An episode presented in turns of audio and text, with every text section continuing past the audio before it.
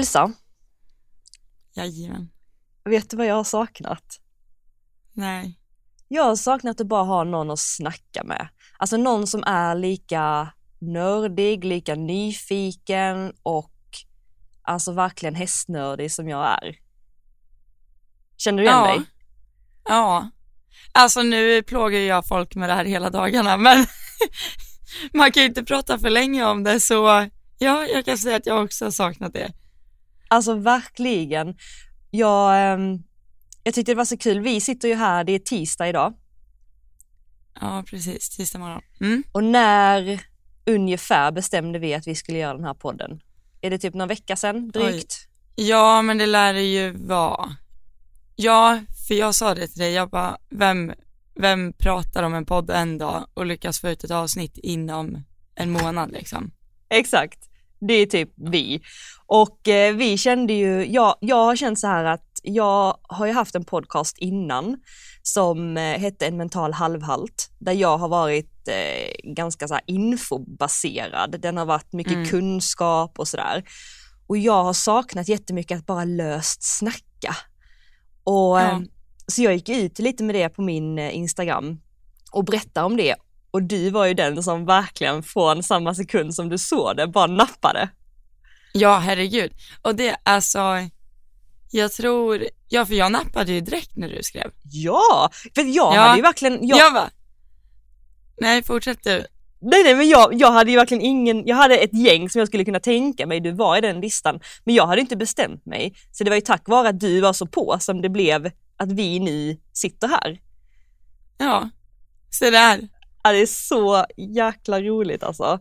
Och Nej, men, jag tänkte liksom så här när du skrev, jag bara, okej, om jag ska ha podd med någon, om det här ska bli av och det ska bli bra, då är det ju lätt Johanna.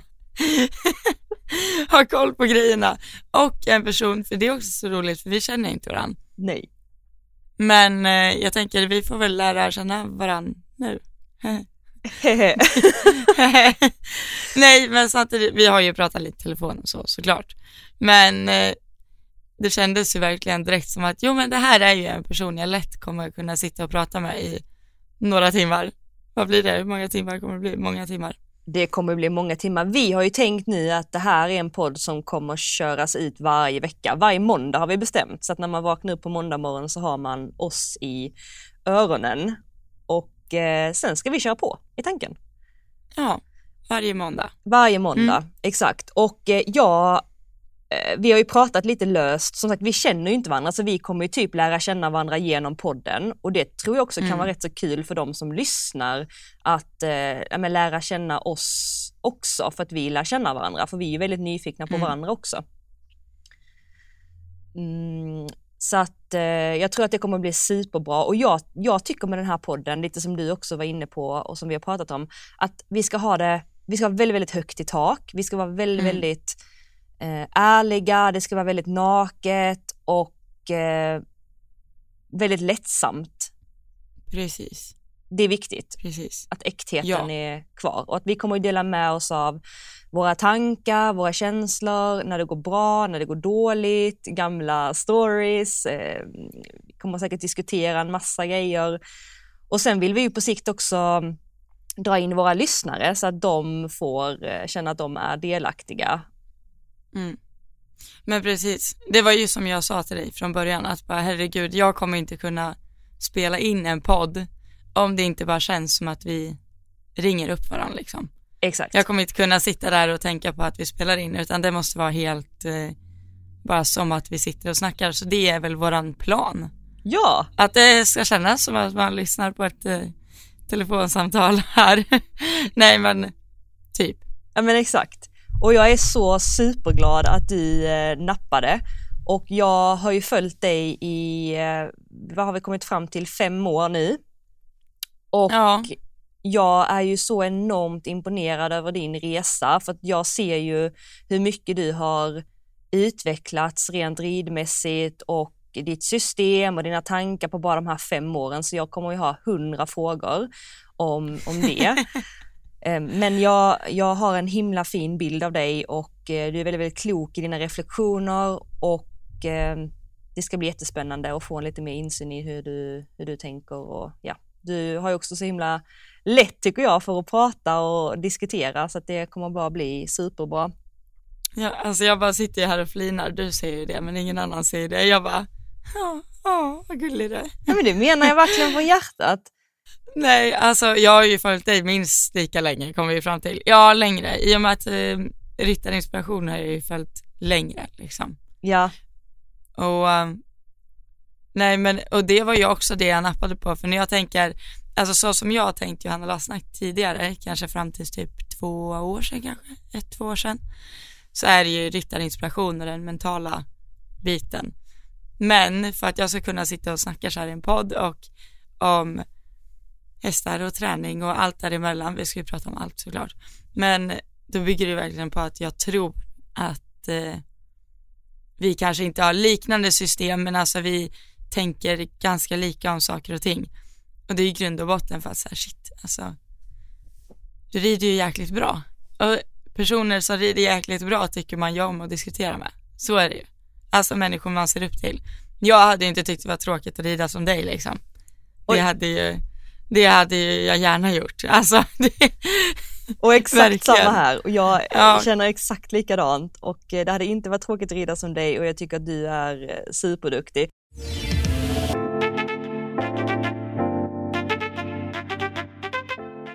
Sen är jag ju extremt avundsjuk på din stabilitet, alltså din position och hur fasen du kan sitta kvar på alla de här ja, turerna du, ute alltså, på mästarna. Jag fattar Det inte. roliga är när du säger det, jag vet att du, du var iväg på en tävling med Kalle tror jag och så skrev du på din Instagram efter att du skulle hem och träna, typ sittsträna eller något. Mm. Och jag, jag tror jag tänkte, jag bara, men herregud, ingen sitter ju finare än henne, nu får hon lugna ner sig. men får jag sticka in där? Ja, gör det. För att ja, nu kommer jag vara brutalt ärlig och kanske ja. lite sårbar i det här jag säger nu. Ja. Och jag, eh, jag, som du säger, jag, jag får ju såklart mycket beröm. Alltså om man kollar mm. på ett Instagram-inlägg så får jag ofta jättefina kommentarer om hur jag sitter. Och det är jag, jag blir så varm och glad i hjärtat varje gång. Men jag känner inte mig 100% ärlig i att ta emot det berömmet för att jag kan, det kan absolut se bra ut men min position är inte så stabil som jag önskar att den var.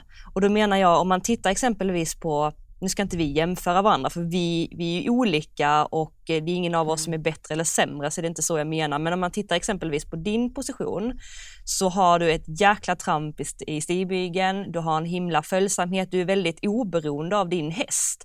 Det skulle kunna hända vad som helst under och du sitter som en stadig eh, jag tänker lite så att om man, om man tänker att man har en boja på ett vatten så är du bojan, mm. du är stabil hela tiden och under dig så bara gungar det med.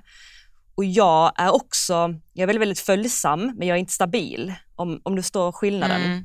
Mm. Så det jobbar jag jättemycket på, att känna mig oberoende av hästen och känna mig stabil och stark och kunna ja, men, trycka till mm. när det behövs och sitta upp lite ordentligt när det behövs. Mm. Och där upplever jag att du har en enorm styrka. Hur tänker du på det själv eller hur känner du det så som det ser ut, så som jag beskriver det? Ja, alltså tänker du, när jag, alltså när jag, det är ju klart, jag, jag har ju aldrig sett dig liksom hänga löst, eller förstår du vad jag menar? Så jag har ju svårt att se att du, du inte är, gör det, eller så som du beskriver, att du känner att du inte har stabiliteten. Och det är ju klart att en häst också kan hoppa mig ur sadeln någon gång, det händer ju alla liksom. Men jag tror det som har varit till min hjälp då är att jag rider så mycket olika hästar. Mm jag rider ju liksom, jag rider de små som är slingriga och jag rider en stor som man måste sitta och pusha fram och liksom jag är ju så beroende att alltid vara om hästen liksom.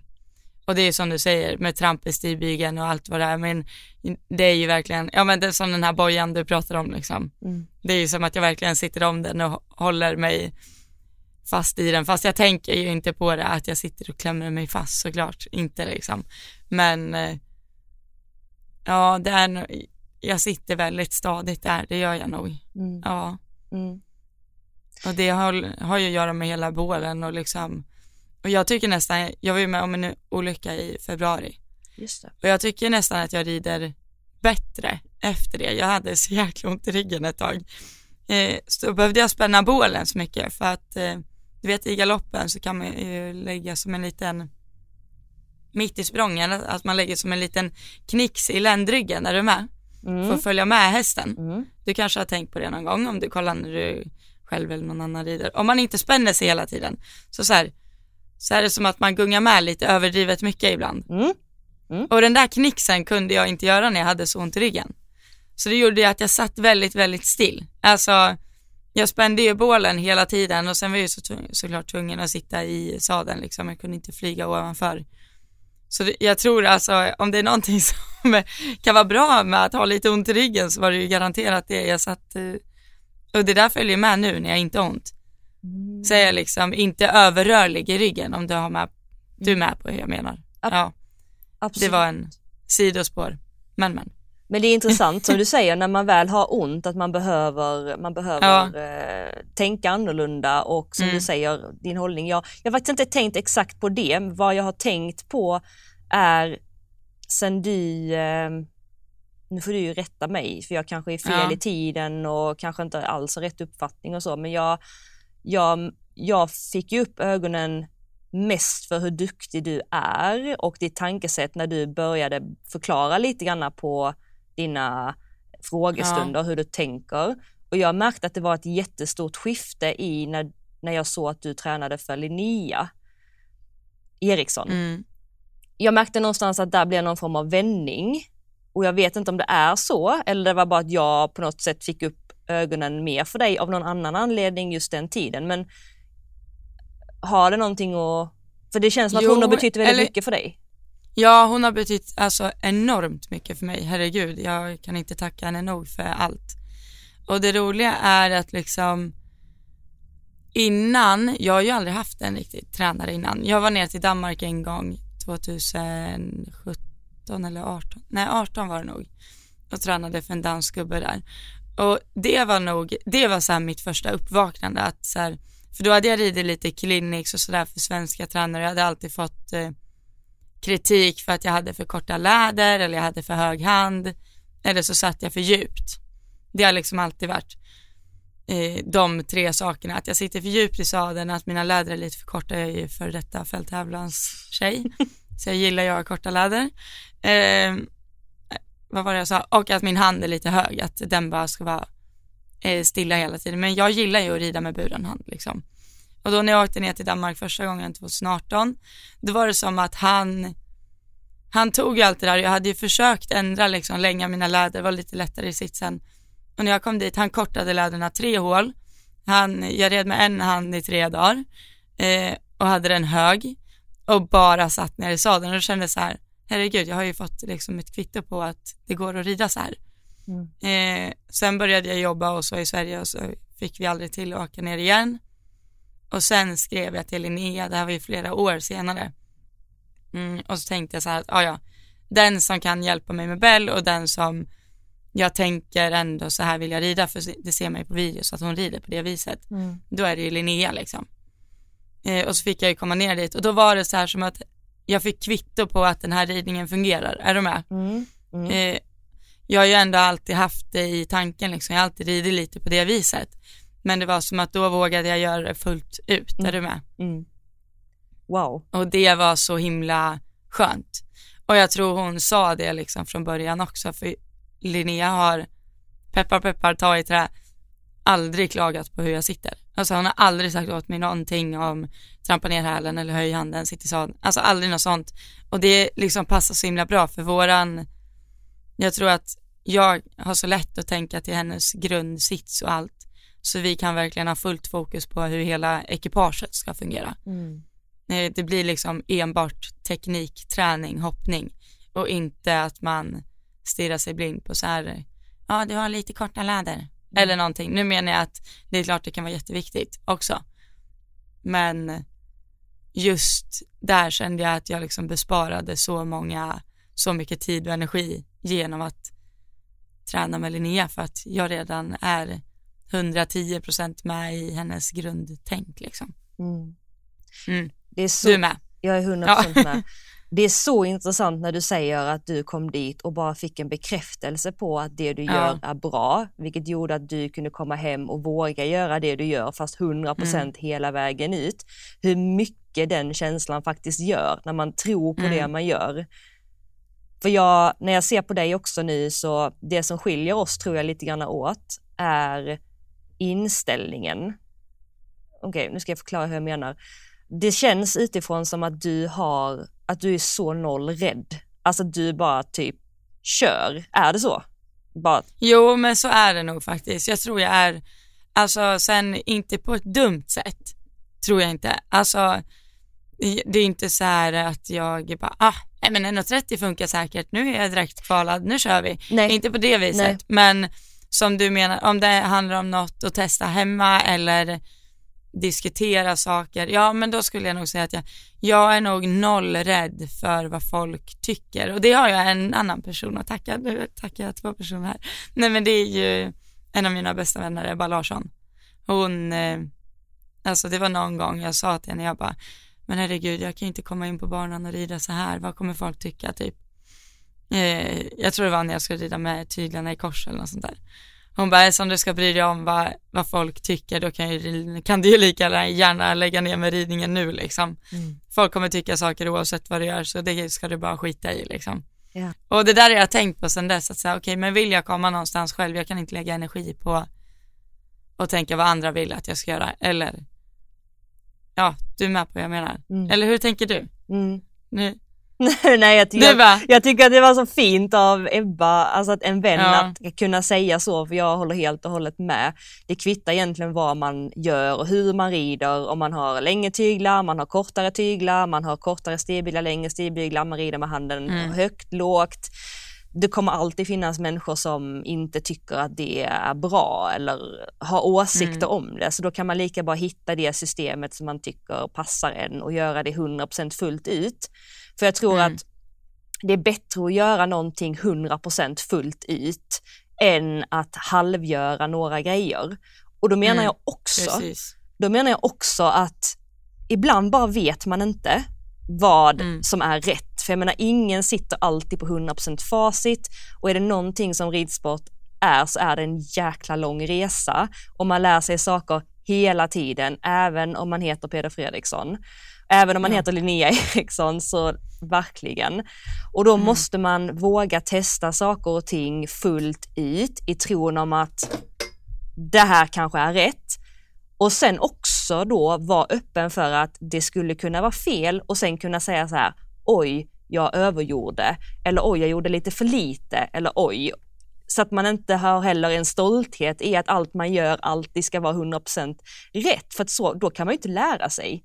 Gör du inte, Nej. någonting, gör du inte någonting 100% fullt ut så kan du inte känna in att det blev för mycket eller för lite eller du skulle tänkt annorlunda. Och det Nej. tycker jag att du är ett sånt himla bra exempel på för att du sitter mycket hemma själv som du säger, du har aldrig haft någon riktigt 100% tränare som är där flera dagar i veckan. Och där är du och jag jätteolika. Jag står ju hos min tränare och får ju hjälp Mm. varje dag. Och det som har varit fantastiskt med det och är fantastiskt med det, det är att ingenting hamnar åt slumpen. Jag får alltid höra vad jag kan ändra, vad jag behöver förbättra och det är jag så Mm. enormt tacksam för. Jag hade aldrig varit på det stället där jag är idag om inte jag hade haft min tränare. Mm. Nackdelen är att man blir mindre förmögen och det märker jag nu, mindre förmögen att tänka själv och våga göra och testa själv för att man är så Mm. i någon annans system. Så där tror jag du har haft en himla fördel att våga testa och våga, ja men du sitter hemma på massa olika hästar och, och sådär. Jag tror att den är så viktig, den, Mm. den biten.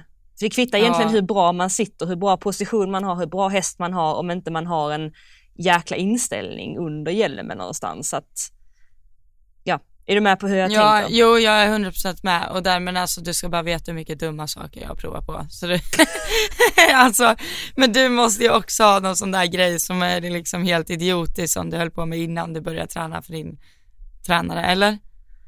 Har du inte det? Som det är såhär, gud, idag skulle jag aldrig testat det här. Eh, jo, absolut. men det var nog mer ett, ett helhetstänk. Jag, jag hade, jag kommer ihåg jag hade en väldigt, väldigt fin häst som inte var min, som jag fick eh, äran att rida, ganska rädd om sig. Och eh, mycket kvalitet. Innan jag fick den så hade jag haft min, eh, min häst, eh, min, min första storhäst, Jupiter hette han, han var en så här perfekt läromästare. Alltså verkligen, mm. han var typ så här ponny fast storhäst och typ jätteridbar. Du kunde komma lite stort, du kunde komma lite nära, du kunde råka släppa kontakten, han hoppade ändå, du kunde ge han lite för mycket support, han hoppade. Han var så bussig, han var mm. perfekt.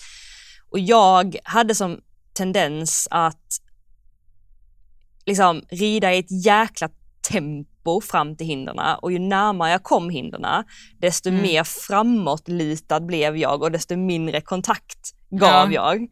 Så att, eh, och han kunde ju ta den typen, han blev nästan lite extra skarp av det om du förstår vad jag menar, för han ja, var inte så jätterädd om mm. sig. Så att, vet, han fick ett nedslag lite ibland och det gjorde att han blev lite extra uppmärksam. Alltså, ja, så. ja men precis. Men när jag fick de här lite finare hästarna så blev det ju döden. Alltså jag lämnade ju hästarna helt ensam. Vet, jag kom med en jäkla galopp innan hinderna släppte handen och vet, jag tryckte på med skänken för jag kände att hästarna stod ju emot.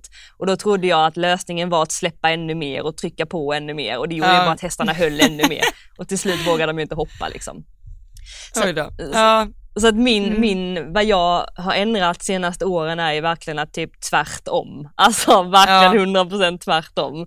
Att våga ha lite mer kontakt med hästarna, att finnas där eh, med samma kontakt innan och över och liksom inte lämna dem ensamma och mm. eh, hitta ett, eh, ett jämnt tempo kan man väl säga och verkligen räta på mig och räta upp mig liksom innan hinderna. Mm. Så det är när jag tänker så här, oh, herregud att hästarna ens vågade hoppa med mig när jag kom flygande in i en kombination, alltså lite så.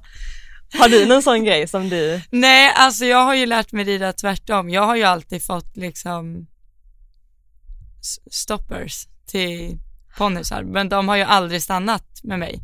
Och det är så konstigt för jag liksom, de har stannat med ägarna innan ibland, men de har ju aldrig stannat med mig och sen har de börjat stannat igen. Så jag tror att jag har en ganska, det, jag, jag tycker själv inte att jag alltså, är jättebra på hoppning, utan jag, alltså tekniskt har jag hur mycket som helst att göra, men jag är en jäkel på att få unghästar och lite osäkra hästar att hoppa och liksom lita på mig tror jag. Eh, och det är nog, som du säger, det är för att jag har ju skänken om dem hela tiden och så har jag ju liksom vägräckena, tyglarna sträckta hela tiden. Så det är ju, när jag rider upp mot hindret så har de ju i princip ingen annan väg att gå än över och det bara den känslan, ger man den känslan till häft, häften, häften, till hästen så gör man den ju mer säker. Är du med?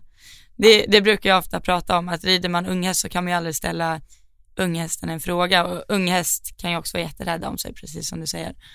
Eh, att om du ställer en fråga, så ah, hoppa om du vill, då blir det ju, alltså, då blir den ju rädd också. Är du med? Mm. Man måste ju vara så här, nu jäklar ska vi över det här hindret. Mm. Så, nu kör vi. Det... Man vill liksom bringa med sig lite den, eh, det självförtroendet.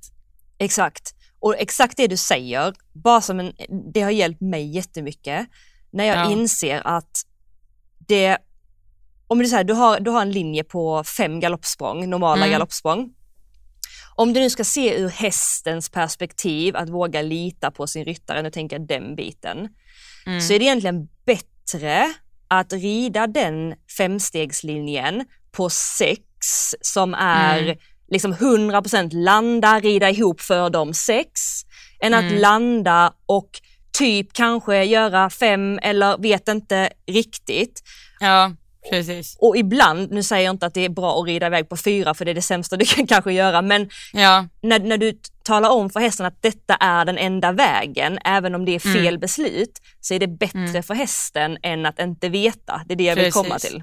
Ja, det säger jag alltid till mina elever när de bara, hur många språng är det? Jag bara, ja det är antingen fem eller sex, men det viktiga är att du bestämmer dig. Exakt, precis. Eh, du är med på hur jag menar? 100%. Att antingen lär du ju landa där och så rida tre första för kung och fosterland så du kan sitta upp och hålla ihop sen. Mm. Eh, eller så lär du vara jäkligt bestämd på att få in dina sex. Mm. Men jag, jag är helt med dig. Och det där är jag alltid, alltså det där kan man ju inte lämna åt slumpen när man rider.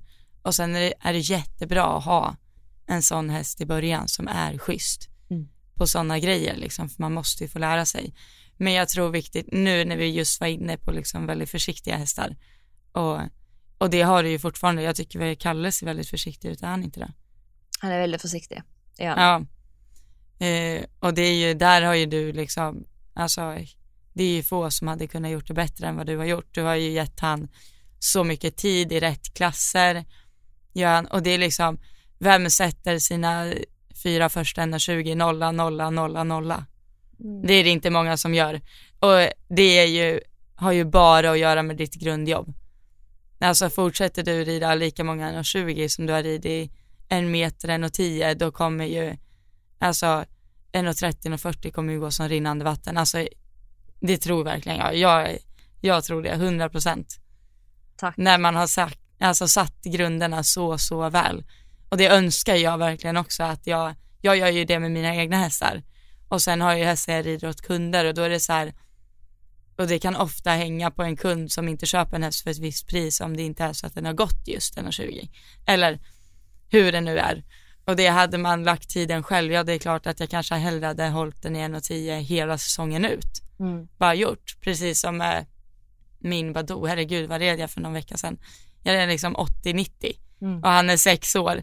Och sen går han in på Strömsholm helgen efter och går 1,10 felfritt. Så det är så här, höjden spelar ingen roll. Och det vet jag att du skrev till mig också, det var så snällt.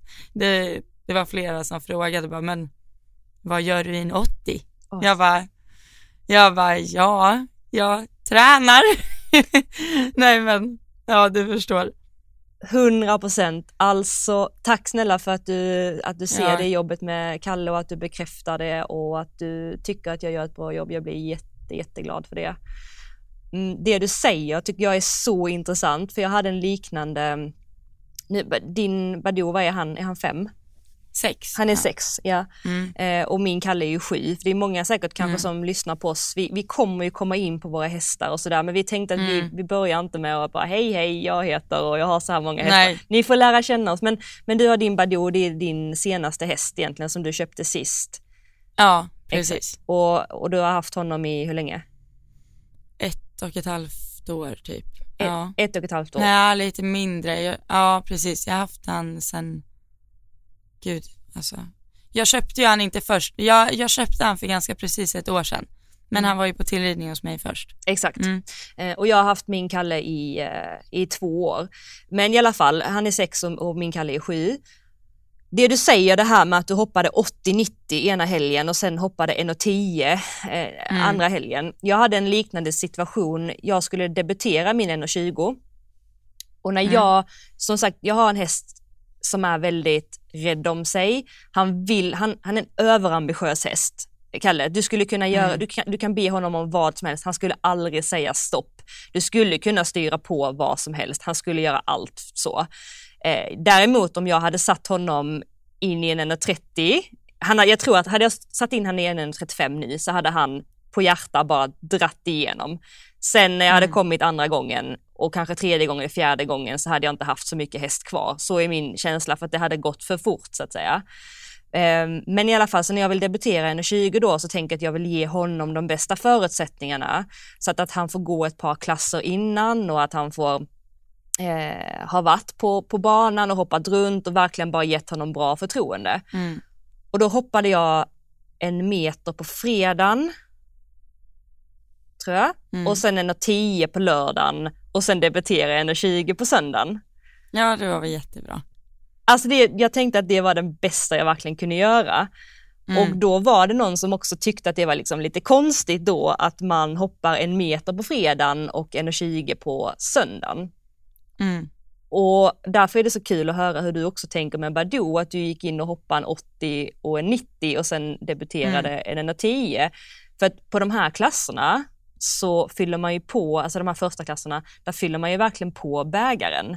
Du ser till att Mm. du har bra förtroende, du, du har, ger dem bra Precis. ridning, bra förutsättningar, vilket gör att sen när du kommer in i en debut så finns det också lite utrymme för en miss Mm. eller för, för att det finns så Exakt. himla mycket bra innan. Och mm. det är mm. så klokt, jag älskar det tankesättet du har och jag ser upp till dig jättemycket som ryttare att du, du tänker så.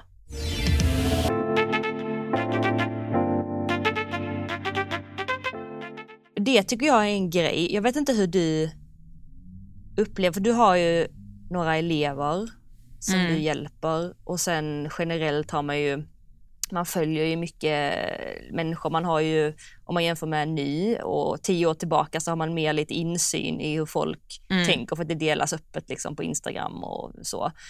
Um, någonting jag får höra väldigt mycket är frasen det är inte höjden som är problemet.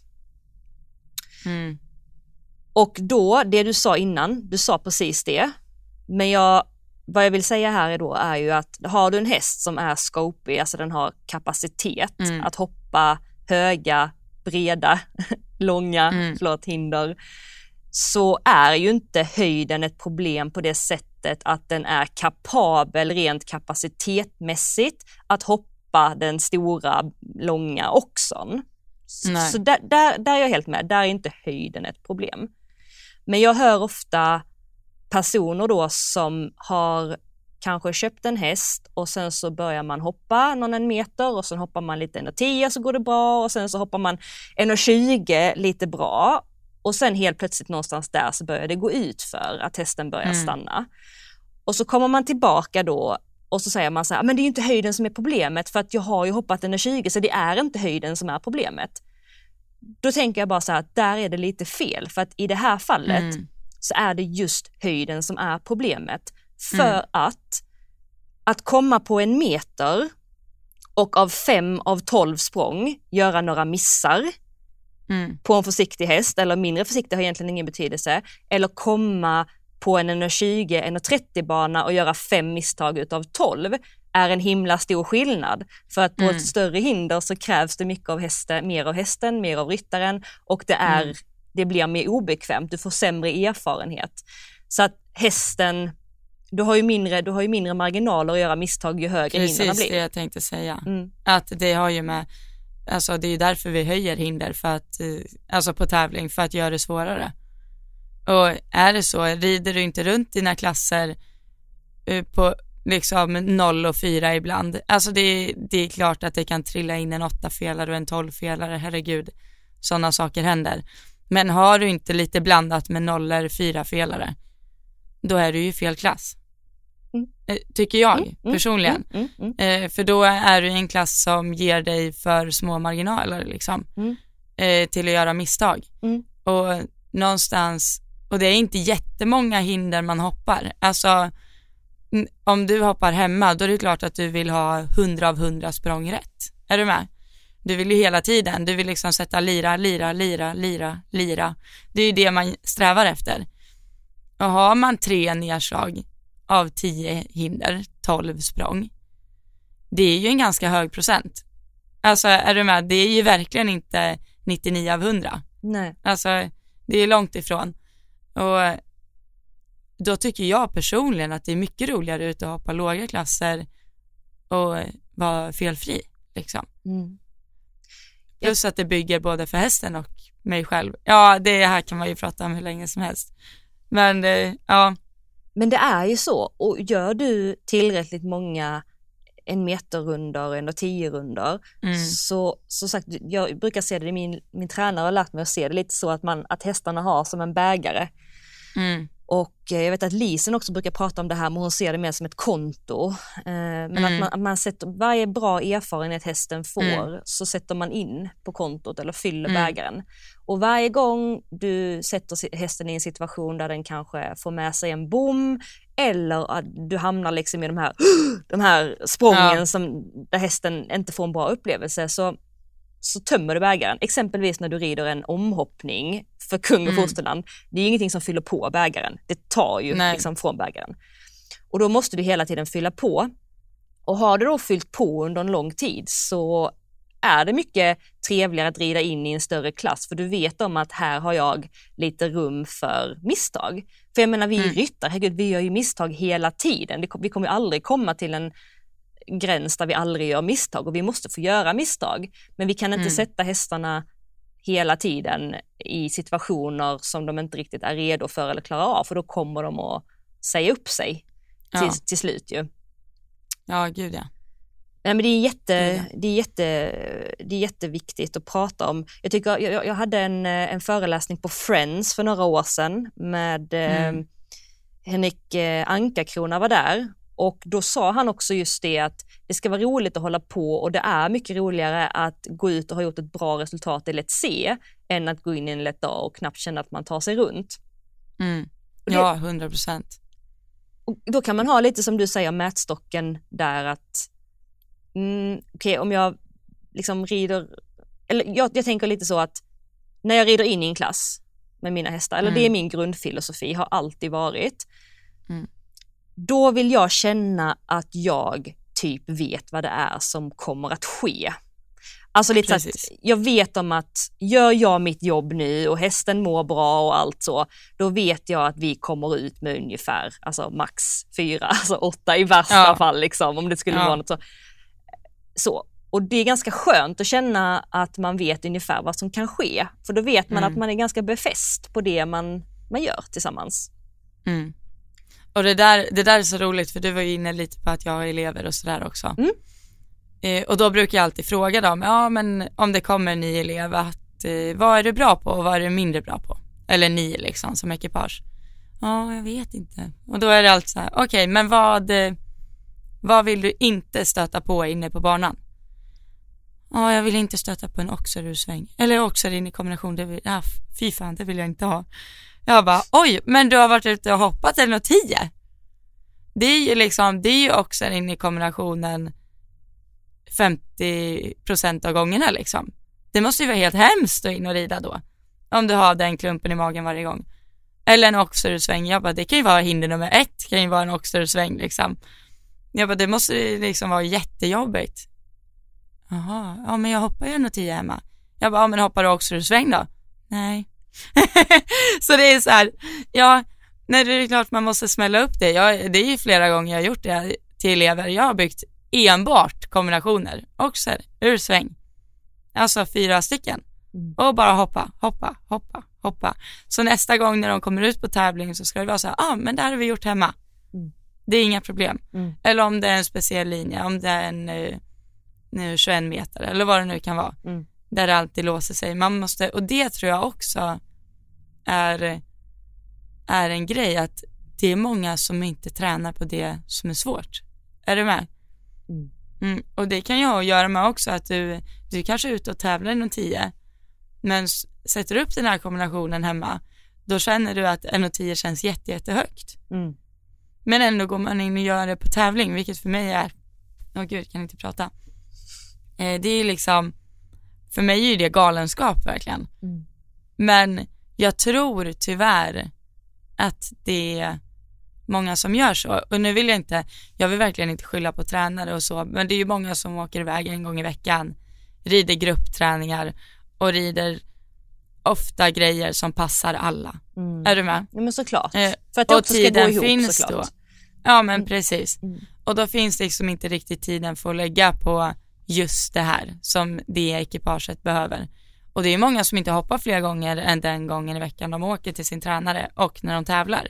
Mm. Och där pratade jag också med en elev om, hon bara, ah, men kan jag hoppa? Kan jag åka och tävla på helgen? Och träna på dig på torsdagen? Eller blir det för mycket hoppning? Jag bara, ska du hoppträna en gång i veckan och du har en häst? Ja, jag bara, och så räknade jag lite på telefonen, jag bara, det ska bli, det tar 10 000 timmar att bli proffs på någonting. Jag bara, ja men eh, då behöver du träna i 400 år. Om du ska träna en gång i veckan. Jag bara, du måste ju träna lite varje dag. Om det är nu ditt öga som är dåligt, liksom fram med en bom då. Eller vad som helst, det spelar ingen roll. Mm. Det är liksom, gör inte saker man inte känner att man är trygg med. Men exakt, Och, mm. ja. Fortsätter. Ville du inte, hade du något att säga? Eller? Nej, jag hade inget mer än att liksom, jag hade ju aldrig heller gått banan om jag inte känner så här, ja men här är vi felfria. Då hade jag ju inte ridit. Mm. Alltså känns det som gambling så hade jag ju aldrig gjort det. Aldrig. Och där tror jag också, som du säger, lite kopplat till det här att man ofta kanske inte tränar på det som är svårt. Dels att man kanske känner sig dålig då, man är rädd för att misslyckas och, och sådär. Eh, så är det också lite när man kommer på tävling att jag upplever att man många gånger är rädd för vissa grejer som du också säger, den här också nu sväng eller kombination eller tre kombination och att man fasar inför den delen på banan och nästan innan en tävling tänker hoppas inte det är en kombination också mm. in ur sväng eller hoppas inte det är en fyrastegslinje, hoppas inte det är en trekombination. Och när man har det tankesättet då, då, då, då tappar man lite kontrollen därför att dels så gamlar mm. man och man vet inte och man känner heller inte sig trygg. Så jag brukar säga så istället att gå aldrig in i en klass, eh, om du nu går banan så är det en, en oxer ur sväng då, utan att ha en plan för hur du ska rida den oxern ur sväng. Mm. För att om du kan bara stanna till lite grann, se på den här svårigheten och bara okej, okay, detta är svårigheten, hur behöver jag göra här? Och bara repetera några gånger, okej, okay, här behöver jag komma in på det här sättet, här behöver jag tänka på att jag ska ha kontakt, här behöver jag tänka på att ha lite mer ben. Då har du liksom skapat en helt annan inställning till svårigheten. Mm. Då är det inte så här, åh, hoppas vi bara tar oss över, utan då är det mer så här, okej, okay, det här är en utmaning, men jag behöver räta upp mig, ha lite extra ben om och hålla kvar i kontakten. Mm. Då är det också lite lättare att gå till svårigheten. Ja. Eller hur? Ja, bara, där, där beskrev precis Johanna hur man hoppar ett hinder. Benen om, krama om handen, räta på dig och så sitt bara där. Hur svårt ska det vara? Nej men, ja. Nej men där har, Nej, du en bra, där har du en jättebra grund, att när ja. du kan, du, du, liksom att du, har, du har dina ben, du motiverar hästen att, att, att liksom hoppa. Ta stöd. Ja, så, ja. Och du, har, du rätar upp dig så att du, du sitter säkert oavsett vad som sker men också att hästen kan komma upp med sina bogar ju och ja. så. Och sen också kontakten att du, att du hela tiden finns där och hästen vill hoppa in i din hand mm. och att du inte um, släpper den och lämnar den själv. Mm. Och den sista delen där, jag pratade med i, i mitt stall, min tränare, han är tillsammans med eh, Isabelle, Issa, det är några av er säkert som känner till henne. Vi har ju så här hästsnack hela tiden och de har ju lärt mig jättemycket och ibland står vi och bara liksom tar upp massa scenarier och pratar och sådär. Tyckte jag hon sa en så himla bra grej, det här med kontakten. För just det här med kontakten upplever jag är någonting som eh, jag ser ofta att där missas det. Det är därför hästen stannar eller därför du får ett nedslag mm. eller sådär för att kontakten inte är där.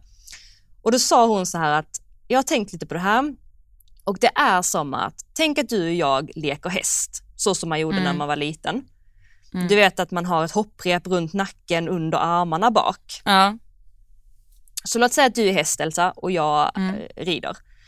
Och så galopperar vi och när du galopperar framför mig så drar du hela tiden, där finns ju en framåtrörelse mm. och jag mm. Inom citationstecken hänger lite bakom dig. Mm. Liksom. Så du bestämmer. Och mm. sen så säger jag, okej okay, Elsa galoppera fram till diket där och då har vi ett dike på en meter som du behöver hoppa över, eller mm. knappt så, och jag hoppar efter. Och så styr jag dig på och motiverar dig, kan jag hoppa det här diket? Och direkt när du är i avstampet och ska hoppa det här diket, så nu visar jag, släpper mm. jag mina händer, jag släpper kontakten mm. med dig. Vad som händer med dig då är ju att du blir väldigt chockad och du också tappar balansen lite grann. Du blir mm. liksom så här nästan att du stupar fram på mm. näsan så här, så. Mm. Vilket gör att det blir svårt för dig att hoppa därför att du har räknat med mitt stöd. Mm. Och tänk då också att om du skulle vara en häst, att du blir väldigt ensam, du blir övergiven mm. när vi ska ta oss. Det tyckte jag var så himla bra förklarat. Ja, det var, det var väldigt bra förklarat. Det håller jag helt med om. Och det här, alltså, jag vet inte, du jobbar inte så mycket med andras hästar än dina egna, eller hur? Nej. Nej, du sitter här och skakar på huvudet. Det är bra att du sitter och skakar på huvudet när vi poddar, Johanna. Hon sa nej i alla fall. Exakt. Men eh, det är ju väldigt ofta det som är problemet, alltså kontakten. Hur mycket kontakt eller hur, liksom, och jag, alltså vad jag har upplevt i alla fall, så är folk ganska rädda för att ha kontakt. Alltså att det, det är ofta det att man eh, kanske bättrar upp sin häst när den är stark och sen tycker man att den är bärig bara för att tygen glappar, är du med? Och det är aldrig, alltså det är ju inte kvittot på bärighet bara för att din tygel är glapp. det kan ju lika gärna vara ett kvitto på att din häst inte vågar ta stöd. Mm. Och knäpper av. Precis, precis och knäpper av och då är ju gud alltså jag kan inte rida överhuvudtaget då. Mm. Det är så roligt för alltså får jag inte, får jag inte rida på det sättet jag är van vid eller liksom skola in mina hjälper lite på en häst då är alltså det, jag är helt värdelös. Mm. Mm. Alltså jag vet någon gång om jag har provat någon häst och så kanske jag, in my opinion måste jag ju säga, att hästen har för skarpt bett till exempel. Då blir jag själv jätteosäker, jag vågar knappt testa hästen, alltså jag vågar knappt hoppa för det blir så här det är så olikt från hur jag vill ha det. Det är som att köra bil och så liksom styrs ratten åt andra hållet. Mm. Det, det blir för mig helt omöjligt att utföra något sorts jobb om inte det här grundjobbet sitter Mm. med att den måste våga ta stöd fram till, till handen och den måste våga bjuda hela vägen fram till hindret och allt det där. Jag tycker det är liksom, det är ju verkligen svårt att rida på något annat sätt så jag beundras av alltså de här som kan rida helt utan stöd. Men eh, jag tror ju ändå att för att kunna komma upp i klassen och sådär så lär man ju ta sig igenom det och det handlar ju inte bara om att kunna hoppa högt utan göra allt i balans som du var inne på. Att det lär ju vara jämnt stöd hela tiden. Alltså hela, hela tiden. Mm. Och där, Och jäm, ja, nej säg. jag var bara inne på en sak till. Mm. Ja, alltså jämnt stöd kan ibland börja med kanske att hästen är lite tung.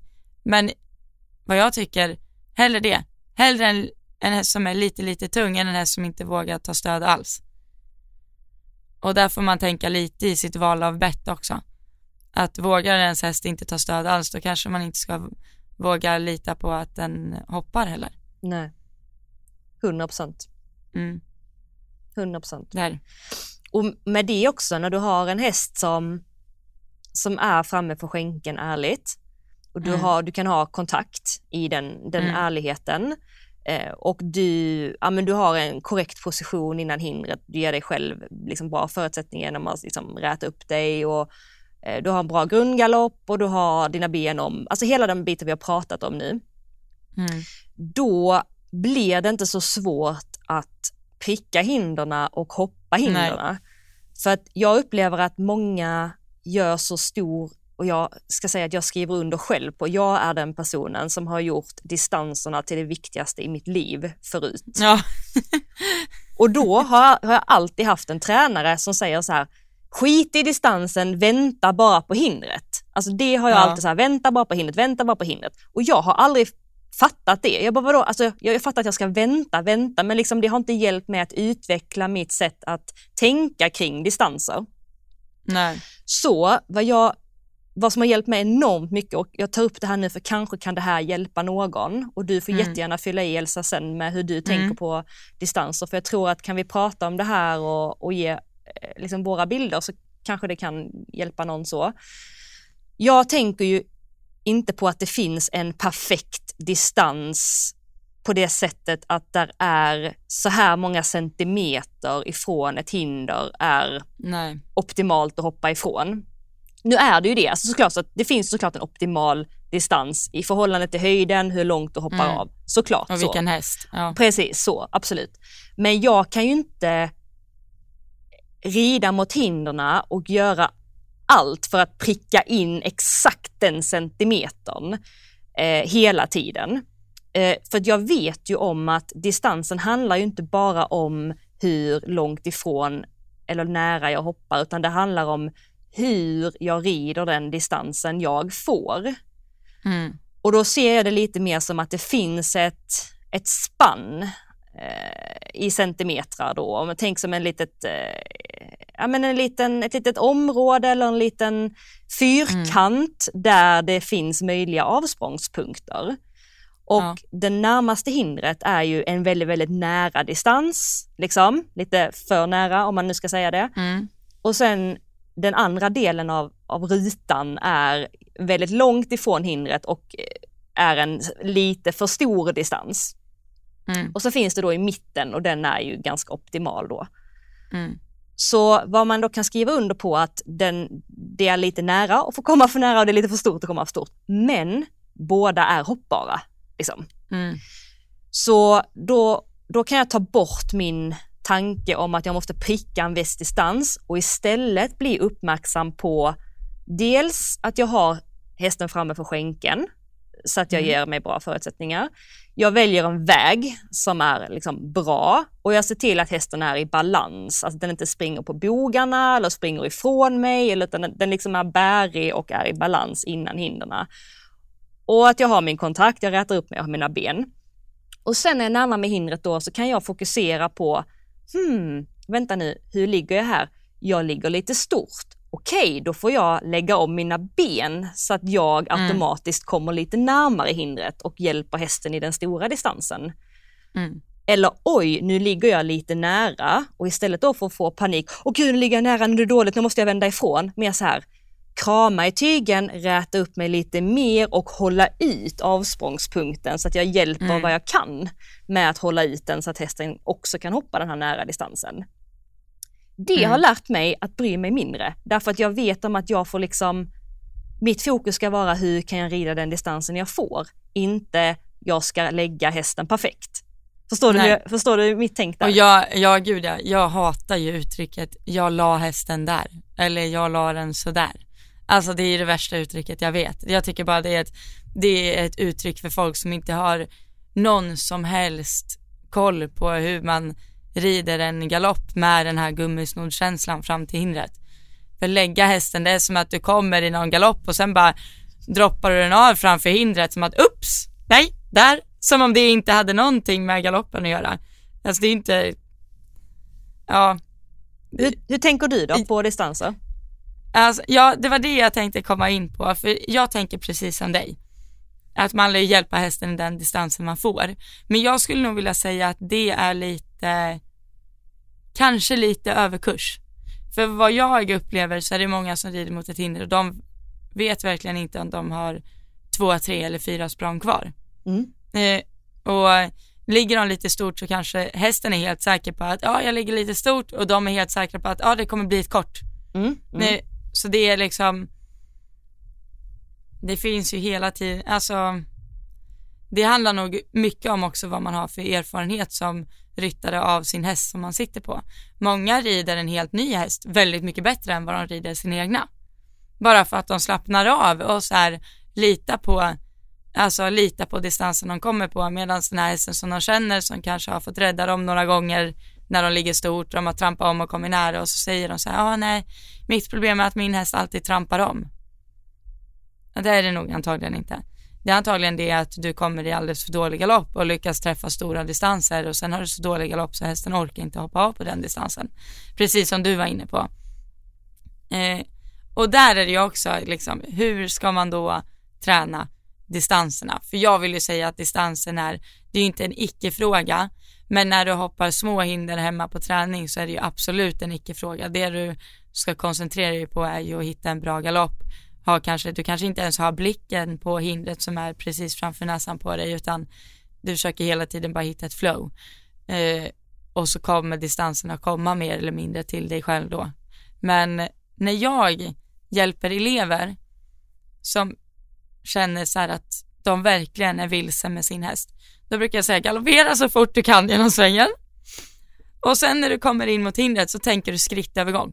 Alltså det här är ju ett pyttelitet hinder. Jag bara, du ska bromsa så mycket som att du ska sakta av till skritt. Och så när du kommer fram till hindret så fortsätter du galoppera.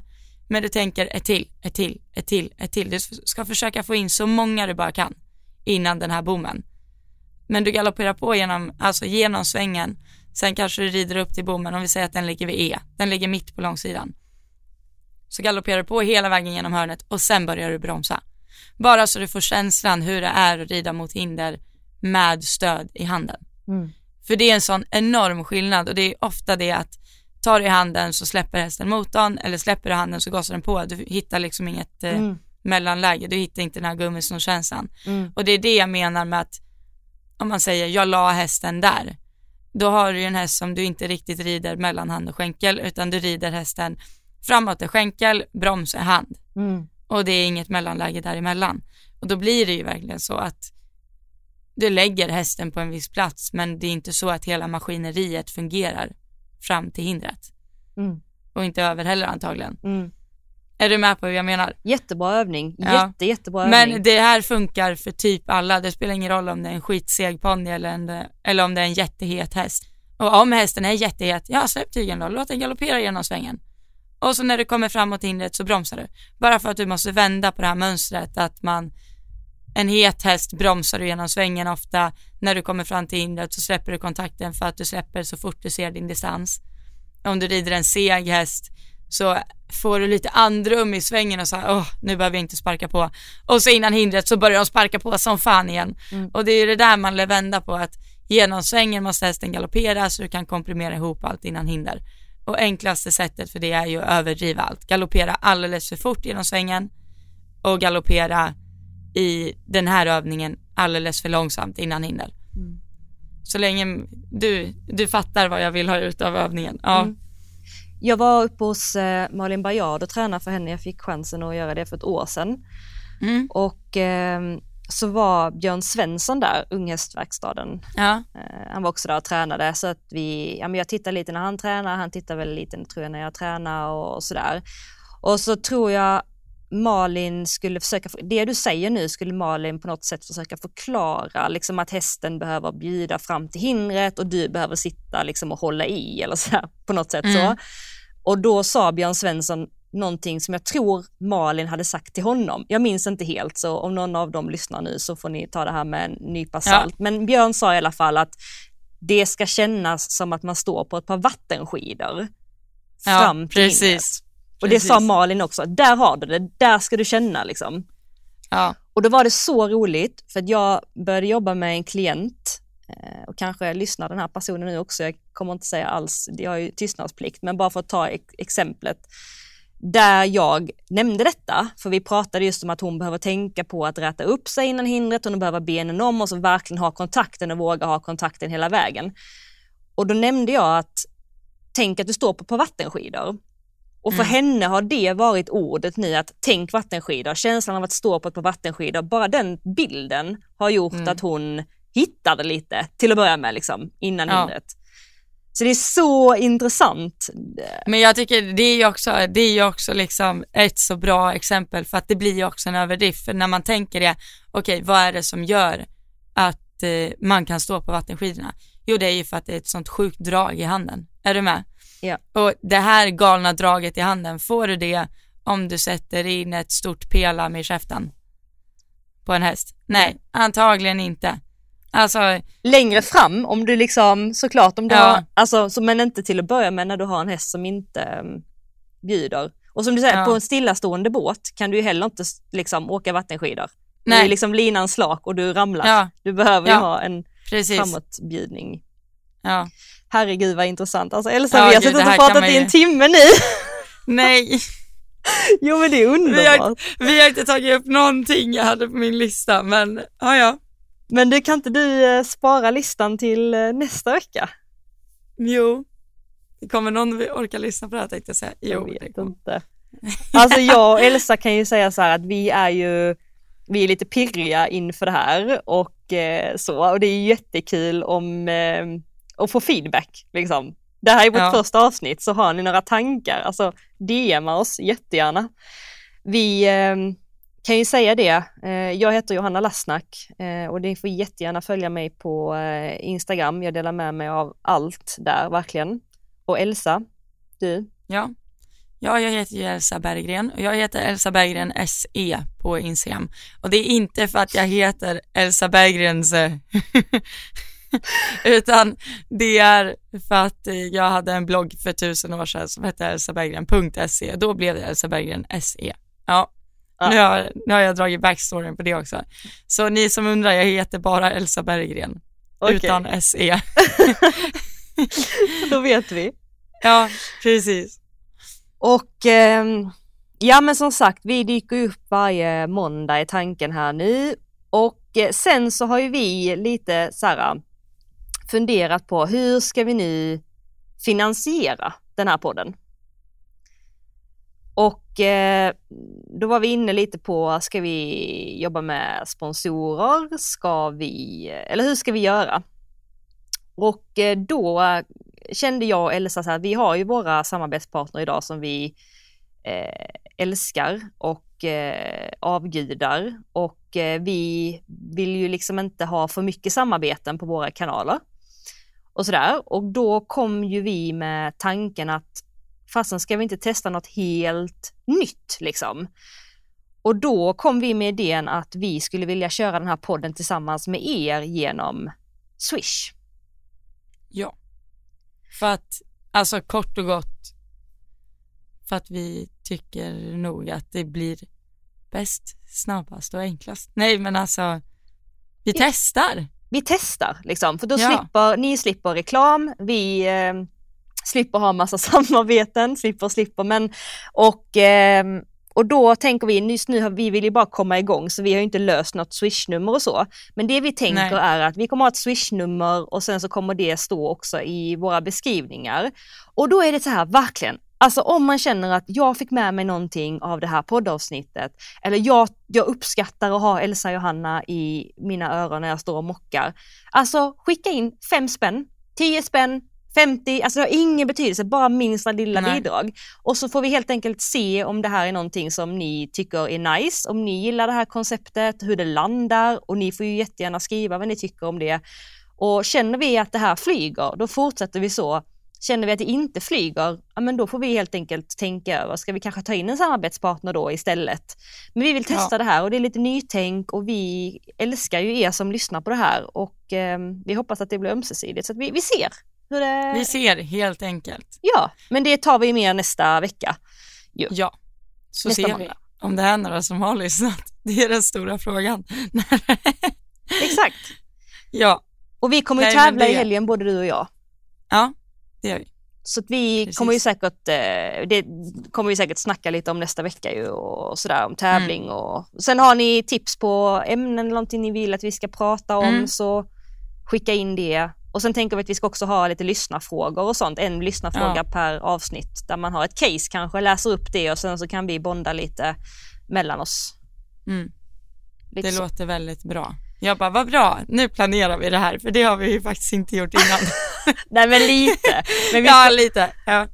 Och sen går Lite. vi mycket på the flow. Sen har det, jag kan ju säga att det är mycket som händer här i, i vår för min del. Det kommer vara mycket, mycket stora förändringar som jag kommer dela med mig också här i, i podden. Så att, mm. Och Elsa har ju också lite grejer kanske. Vi får se. Kanske kommer Kanske. Nej, men det är vi så. Ja, vi, åter... vi, ja. vi håller det där och sen så säger vi eh, tack, eh, tack för idag så ses vi nästa vecka. Det låter jättebra. Tack för idag. Tack själv Elsa. Det gör vi. Puss och kram. Puss, hej. Hej, hej.